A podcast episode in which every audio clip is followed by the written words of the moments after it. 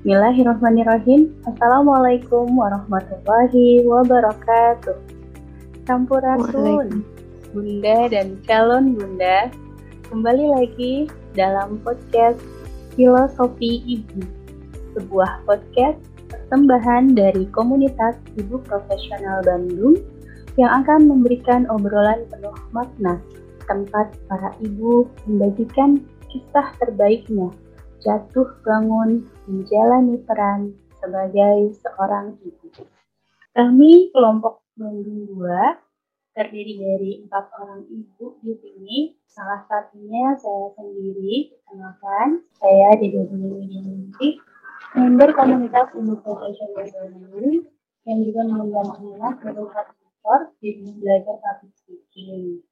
Kami berempat sedang menjalankan salah satu satu challenge di zona 6 Institut Ibu Profesional dalam kelas Bunda Sayang dan Setuju. Nah, biasa nih ada tiga ibu coba bersama saya, siapakah mereka? Enggak, teteh-teteh memperkenalkan diri. Teh Anisha dulu boleh teh. Halo, Assalamualaikum teteh-teteh. Salam. Perkenalkan nama saya Anisha. Uh, saya di sini sebagai mahasiswi Bunda Sayang Batch 7. Terus uh, sebagai member komunitas Ibu Profesional Bandung juga sekarang sedang magang di tim desain dan tim HRD uh, eh, RCIP Bandung. Wah, Masya Allah. Banyak ya perannya. Berikutnya nih, kita kenalan dengan Teh Ari. Silahkan Teh Ari. Halo, Assalamualaikum Bunda dan calon Bunda. Perkenalkan, nama saya Arianti, biasa dipanggil Ari. Seorang bunda dari empat orang anak yang Masya Allah luar biasanya. Um, saya bekerja di ranah domestik dan bekerja di rumah karena ingin membersamai keluarga. Jadi saat ini saya hanya aktif sebagai mahasiswa di perkuliahan Bunda saya batch 7 bersama Bunda Dede, Bunda Ciki, dan Bunda Anisha. Terima kasih. Wow, luar biasa ya Kak Ari. The last but not least nih, Mangga, ada single lah loh bareng kita. Ada Teh Ciki. Silahkan Teh Ciki. Assalamualaikum Teteh. Ya, Waalaikumsalam. Perkenalkan nama saya Cikita Dinda, member komunitas Ibu Profesional Bandung. Um, saat ini sih lagi uh, kerja sambil kuliah sih, jadi belum bisa untuk uh, gabung di magang atau bantu-bantu di komunitas IP gitu. Oke, Teh Ciki sambil kuliah ya. Iya. Nah, di filosofi ibu kali ini kita mengusung topik tentang menjaga anak dari kejahatan seksual. Wah, ini sebuah perbincangan yang mungkin masih dianggap tabu ya Teh ya, terkait pendidikan seksual untuk anak ini gitu. Tapi kita sepertinya perlu gitu ya membuka mata, kita perlu membuka telinga kita karena ternyata ini bisa jadi gitu ya hal ini nih yang kejahatan seksual ini itu ada gitu di dekat kita dan bisa mengancam keluarga kita begitu. Nah, Teh Ari ini menjadi saksi ya Teh ya akan adanya kasus kejahatan seksual yang dilakukan kepada anak gitu dan betapa bahaya serta mengerikan gitu dampaknya. Nah, bisa diceritakan Teh Ari bagaimana uh, kisah dari dua kejadian ya, dua kejadian mengenai kejahatan seksual. Silakan Teh. Bismillahirrahmanirrahim. Terima kasih Teh. Jadi memang benar ya Teh bahwa tanpa kita sadari sebenarnya kejahatan seksual ini merupakan hal penting yang terkadang luput dari perhatian dan pengawasan kita sebagai orang tua, terutama kita sebagai seorang ibu. Nah, sering kali kita tuh terlalu fokus pada pemberian pendidikan akhlak, pendidikan intelektual, dan pendidikan-pendidikan lain pada anak-anak kita. Tapi kita tidak aware bahwa sebenarnya pendidikan seks pada anak sedari dini pun sebenarnya sangatlah penting. Di mana salah satu hal yang harus kita bekalkan kepada anak-anak kita adalah bagaimana agar mereka bisa menyadari bahwa diri mereka ini berharga loh, dan harus dilindungi. Nah, qadarullah pada kasus pertama yang saya temukan ini berdasarkan curhatan dari seorang teman yang sangat dekat ya. Uh, jadi memang dia sangat terbuka tentang diri dia saat ini dan yang berhubungan dengan diri dia di masa lalunya teh. Nah jadi ketika itu teh saya sedang dicerhatin gitu ya dengan teman saya ini bagaimana uh, di masa kecilnya itu dia tuh dulu pernah di uh, dia memiliki dia memiliki riwayat kekerasan seksual gitu. Dan dari cerita beliau sih ketika itu ia sedang bersekolah seperti biasanya.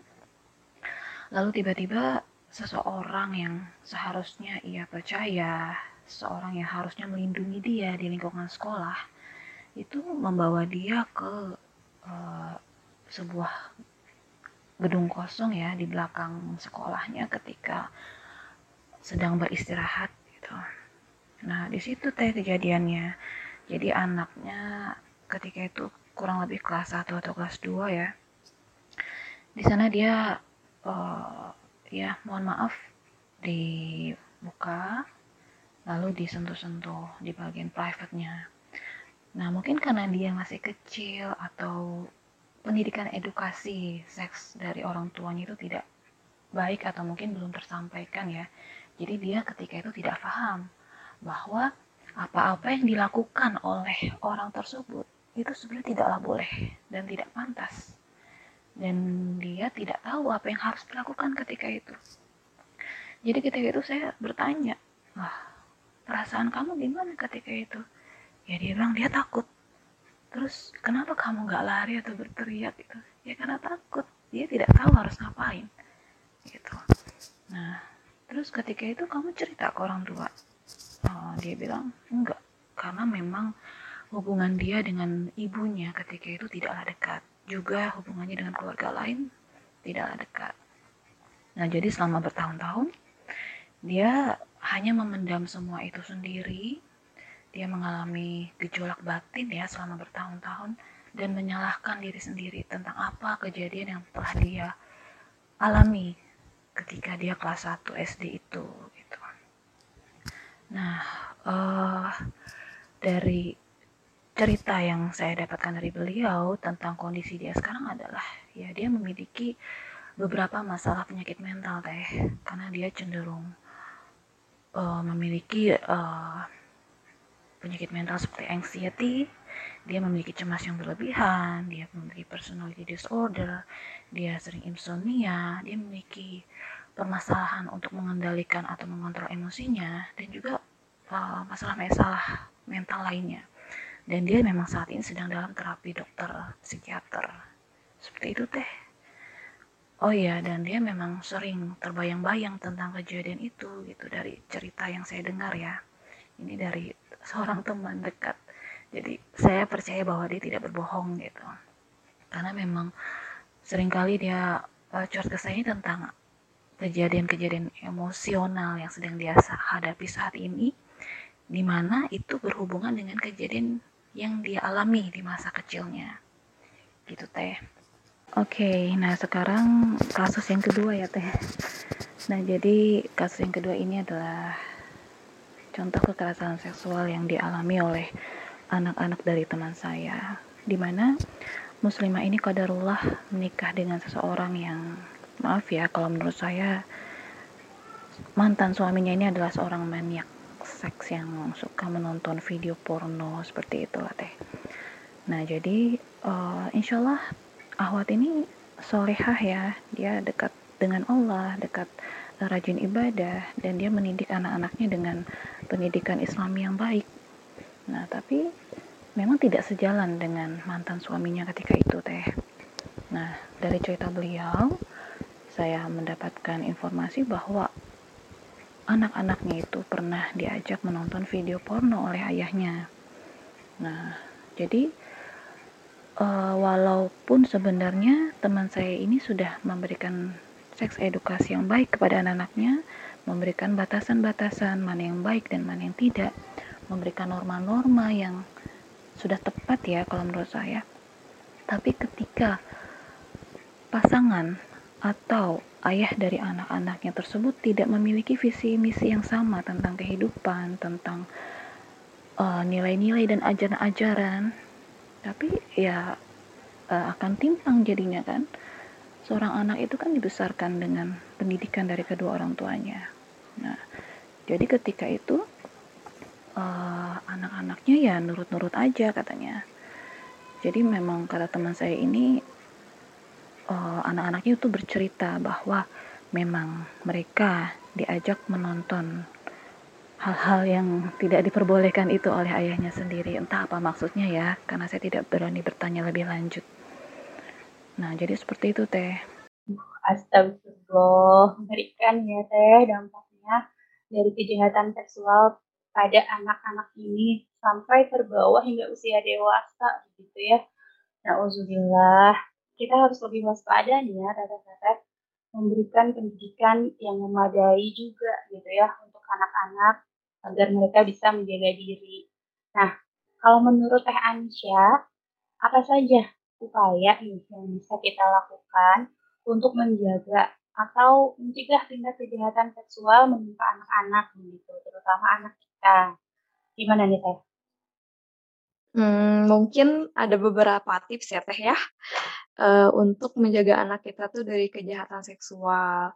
Yang pertama, biasakan anak memakai pakaian dengan rapi dan sopan. Bagian dada, lengan atas, perut, alat kelamin, pantat, dan paha harus tertutup Teh.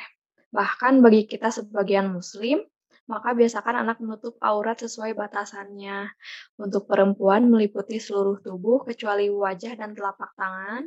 Untuk laki-laki batas aurat e, dimulai dari pusar sampai lutut, namun bagian dada hingga perut juga sebaliknya tidak e, sebaiknya tidak diperlihatkan kepada orang lain juga. Kemudian uh, ajarkan anak untuk tidak pernah mengizinkan orang lain melihatnya ketika sedang buang air kecil. Kan uh, biasanya kalau anak-anak tuh ya kita masih sering lihat gitu ya di mana we gitu buang air kecil teh. Jadi uh, kita harus ajarin nih dari mas uh, dari sejak dini gitu ya. Kalau ya, pipis tuh harus ditutup, uh, uh, hmm. harus di toilet di kamar mandi gitu. Hmm. Kemudian selanjutnya bisa juga e, diajarkan bahwa orang lain tuh nggak boleh memegang tubuh ya dari leher sampai lutut bagian-bagian tubuh itu kan e, sangat berharga ya teh. Terus perhati e, perintahkan anak berteriak kalau e, ada orang lain yang memegang itu gitu. Jadi harus udah ada apa ya tindakan defense gitu ya dari anak kita tuh minta tolong sambil lari ketika ada orang lain memegang bagian-bagian tubuh itu atau memaksa membuka pakaian, jangan sampai dibiarkan. Meskipun orang itu membujuk-bujuk atau mengiming-imingi dengan sesuatu yang menarik. Seperti itu. Terus ingatkan juga anak kita untuk berhati-hati jika tiba-tiba ada orang yang tidak dikenal memberi permen, minuman, atau mainan. Mungkin orang itu akan berniat jahat. Seperti itu mungkin teh. Ciki mau menambahkan teh? Boleh nih Teh, aku barusan nonton dari YouTube-nya Ustadz Kolit nih, mungkin bisa jadi hmm. tambahan juga buat teteh-teteh. Iya, gimana katanya Teh? Itu ada beberapa hal yang perlu ditanamkan sama orang tua sejak kecil nih Teh. Hmm. Jadi pertama, eh, nggak boleh dibiasakan tidur bersama gitu. Terus uh, tidak dibiasakan juga melihat aurat orang tua ke anak Terus selain itu juga ini biasa terjadi sih kayak kita mandi bareng gitu kan ya sama orang tua meskipun e, ibu dengan anak perempuan atau ayah dengan anak laki-laki itu sebaiknya e, oh, tidak dibiasakan. Oh berarti nggak baik ya teh kalau terus-terusan gitu ya atau menjadi kebiasaan. Hmm. Hmm. Iya. Hmm. Kalau biasa. sudah kalau sudah terlanjur e, sering gitu teh atau sudah biasa seperti itu gimana tuh teh? Nah, kalau saran dari Ustadz Khalid sih kita uh, bisa pisahkan gitu. Uh, jadi ya udah nggak usah mandi bareng dulu meskipun sesama jenis karena nantinya tuh uh, mereka bakal banyak muncul pertanyaan gitu teh terkait perbedaan fisik mungkin kayak anaknya jadi nanya kok uh, orang tua misal uh, sesama jenis kita ya ibu dengan anak gitu tapi kok berbeda gitu bentuk tubuhnya gitu. Nah misalnya nanti pun bakalan ada pertanyaan seperti itu tuh orang tua eh, menjawabnya tuh sebatas butuh jawaban aja gitu. Misalnya nanti oh memang nanti kalau kamu besar itu akan seperti ini gitu. Atau misalnya pertanyaan soal hate gitu nanti semua wanita dewasa itu jika sudah balik akan uh, mengalami hal seperti ini gitu. Nah pertanyaan-pertanyaan seperti itu tuh memang harus kita jawab sih teh supaya uh, si anak itu nggak mencari tahu sendiri gitu karena bakal lebih bahaya kalau mereka carinya sendiri. Harus ada arahan ya teh ya. Mm -mm, harus ada arahan. Terus selain itu juga uh, orang tua harus mengajarkan untuk menundukkan pandangan dan menutup aurat. Seperti tadi udah dijelasin juga ya sama Anisha uh, menutup auratnya. Kita harus menanamkan gitu bahwa Allah tuh selalu melihat gitu dan mewajibkan hal-hal seperti itu. Nah terakhir juga nih misal orang tua melarang gitu nggak uh, boleh misalnya nggak boleh buka aurat gitu kan. Itu kita tuh harus ada solusi gitu karena nanti bakal uh, membantu mencegah perbuatan buruk ke hal baik. Misalnya contohnya kalau kalau kita nggak ngebolehin tontonan yang buruk gitu, kita hmm. ya memberikan solusinya dengan memberikan tontonan-tontonan yang benar, kita mengontrolnya dan juga kita membatasinya. Hmm. Gitu. Jadi dengan hal-hal yang disebutkan tadi itu bisa dijadikan mitigasi supaya anak lebih aware dan terbiasa untuk menjaga aurat dan mengenal batas-batasnya. Tentu dengan begitu bakal menghindarkan anak dari kejahatan seksual yang bisa terjadi ke anak atau bahkan dari anak. Oh iya iya iya. Oke, okay. Hmm, Masya Allah. Jadi itu tadi ya beberapa upaya yang bisa kita ikhtiarkan untuk menjauhkan gitu ya dan mencegah terjadinya kejahatan seksual terhadap anak gitu ya. Karena tadi betul ya kalau anak sudah tahu batasannya gitu aurat gitu, terus uh, mereka tahu bahwa oh ini boleh dilihat oh ini boleh disentuh yang ini nggak boleh gitu ya. Jadi ketika ada orang lain yang berusaha uh, melakukan itu gitu ya ke mereka mereka jadi sudah sadar gitu oh orang ini tuh sedang berbuat sesuatu yang tidak boleh gitu ya terhadap saya gitu. Dan mereka pasti jadi lebih kak tadi ya bisa bisa menghindar gitu ya. Hmm, iya iya. Hmm, hmm, oke. okay. Semoga Tete ini. boleh tanya gak sih? Buat oh iya, boleh boleh boleh. Gimana teh? ini nih kan teteh udah teteh berdua nih teteh eh teteh bertiga nih uh-huh. dari teh Dede, teh dan teh teh Ari ya teh teh Ari itu kan udah punya anak nih jadi udah prakteknya tuh nah yeah. pas mempraktekkan untuk uh, ngasih pengetahuan pendidikan seks an ke anak ini ada tantangannya nggak sih teh? Kayak kesulitannya gitu. Kalau teorinya gini kan bakalan lebih mudah ya. Ya ya tapi kalau pengaplikasiannya bisa jadi iya. Iya. Kalau dari siapa dulu teh? Mau teh Anisha dulu? Mangga mangga. Kalau uh, saya sih kan Ara baru 16 bulan ya. Jadi mungkin sekarang tantangannya tuh kalau uh, dia nggak mau pakai celana. Habis hmm, misalkan bener, betul, betul. mau ganti popok gitu kan. Suka lari-lari lari-lari bener suka lari-lari gitu. Jadi sekarang tuh masih PR mesti apa ya diinget uh, diingetin terus menerus gitu teh. Terus uh, dia tuh kadang-kadang suka nggak mau juga misalkan diajak cebok yuk cebok yuk misalkan gitu. Uh, dianya pas misalkan kita kasih penjelasan tuh malah nggak fokus main air gitu aja paling harus apa ya harus dengan berbagai cara di ininya apa namanya untuk ngasih taunya ya untuk anak 16 bulan. Ya, ya. gitu sih menurut uh, saya tantangan dari saya adalah ketika kita berbagi pengasuhan anak kita dengan anggota keluarga yang lain teh. Jadi misalnya kita sudah membiasakan anak-anak kita untuk berhijab atau minimal memberikan pakaian-pakaian yang menutup aurat ya dan mereka sudah terbiasa dengan kebiasaan itu di rumah kita. Namun ketika kita titipkan anak-anak kita ke anggota keluarga yang lain, ternyata mereka didandani dengan dandanan yang ya menurut saya sih ya uh, itu pakaiannya terlalu mengumbar aurat gitu. Seperti misalnya hanya menggunakan tank top atau celana pendek ke luar ke mall dan sebagainya. Seperti itu sih dan ketika mereka kembali ke rumah kan mereka jadi bingung. Mereka sudah terbiasa dengan kebiasaan yang uh, seperti yang saya biasakan dan ketika keluar mereka dibiasakan dengan kebiasaan yang lain lagi gitu. Kan anak jadi bingung sebenarnya. Gitu sih tantangan saya. Oh ya anak saya usia SD sih. SD dengan balita ya. Gitu teh. Kalau saya kan ada tiga nih udah tiga ya. Ada yang tiga, hampir tiga tahun terus ada yang enam tahun sama yang delapan tahun. Jadi tuh yang jadi tantangan saya tuh mungkin salah satu hal yang saya baru sadar juga gitu ya kesalahan saya selama ini tuh ada pembiasaan yang kurang baik gitu ya pas anak mau mandi gitu ya. Itu tuh uh, mereka buka bajunya tuh dari luar kamar mandi gitu.